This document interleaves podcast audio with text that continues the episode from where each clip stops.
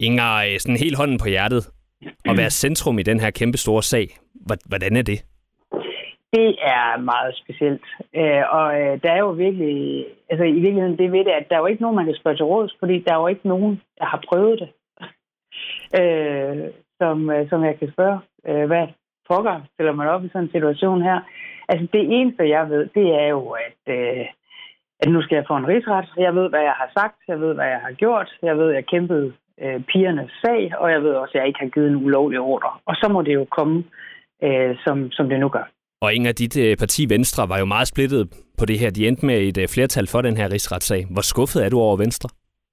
Jamen, jeg vil sige det sådan, jeg er utrolig glad for, for, for dem, som bakkede mig op hele vejen. Og det er jo blandt andet Hans Christian Schmidt fra, fra de sønderjyske, som alle dage, altid har holdt ord for alt, hvad han har sagt. Øh, og, øh, og, og det gjorde han bestemt også i dag. Han øh, har jo sat sig rigtig godt ind i den her sag.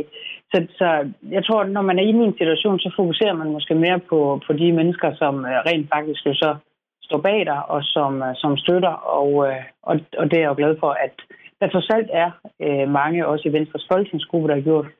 Og så kan jeg bare sige, at jeg er jo ved at drukne i søde beskeder og blomster og gaver, og jeg ved ikke hvad, fra, fra alle mulige helt almindelige danskere, og det er jo dybt, dybt taknemmelig over. Og Inger, kan du fortsætte i et parti, der har et flertal imod en rigsretssag imod dig? Altså sidder du og overvejer lige nu måske at, at sige tak for nu til Venstre, og så prøve noget andet?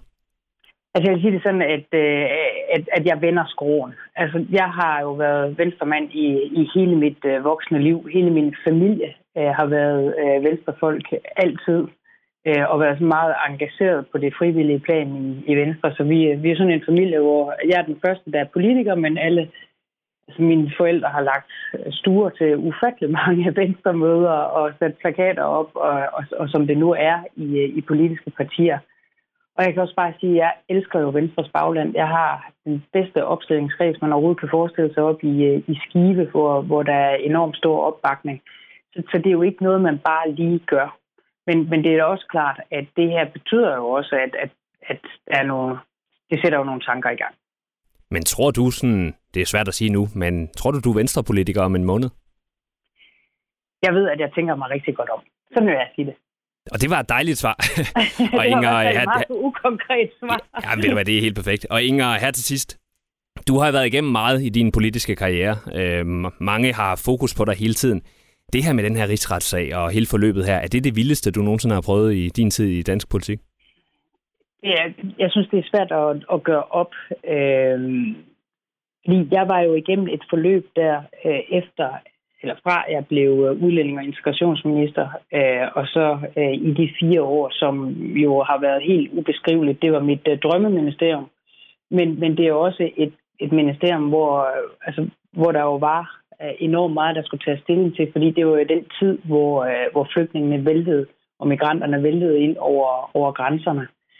Øhm, og, øh, og det førte jo til rigtig mange opstramninger på, på, det, på, på udlændingeområdet.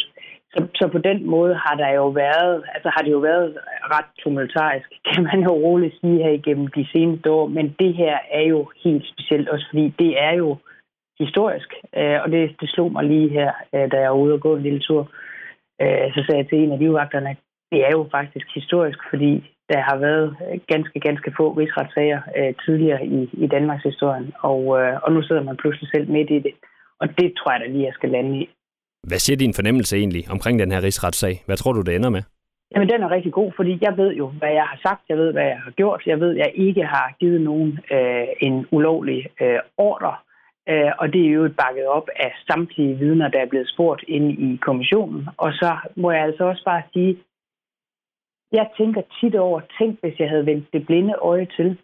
Tænk hvis jeg skulle leve med, at der var unge piger, der boede sammen med ældre mænd i, øh, på asylcentrene, og at jeg bare havde vendt det blinde øje til, at de var blevet tvangsgift, øh, og øh, at, øh, at de var øh, jo under 18 år.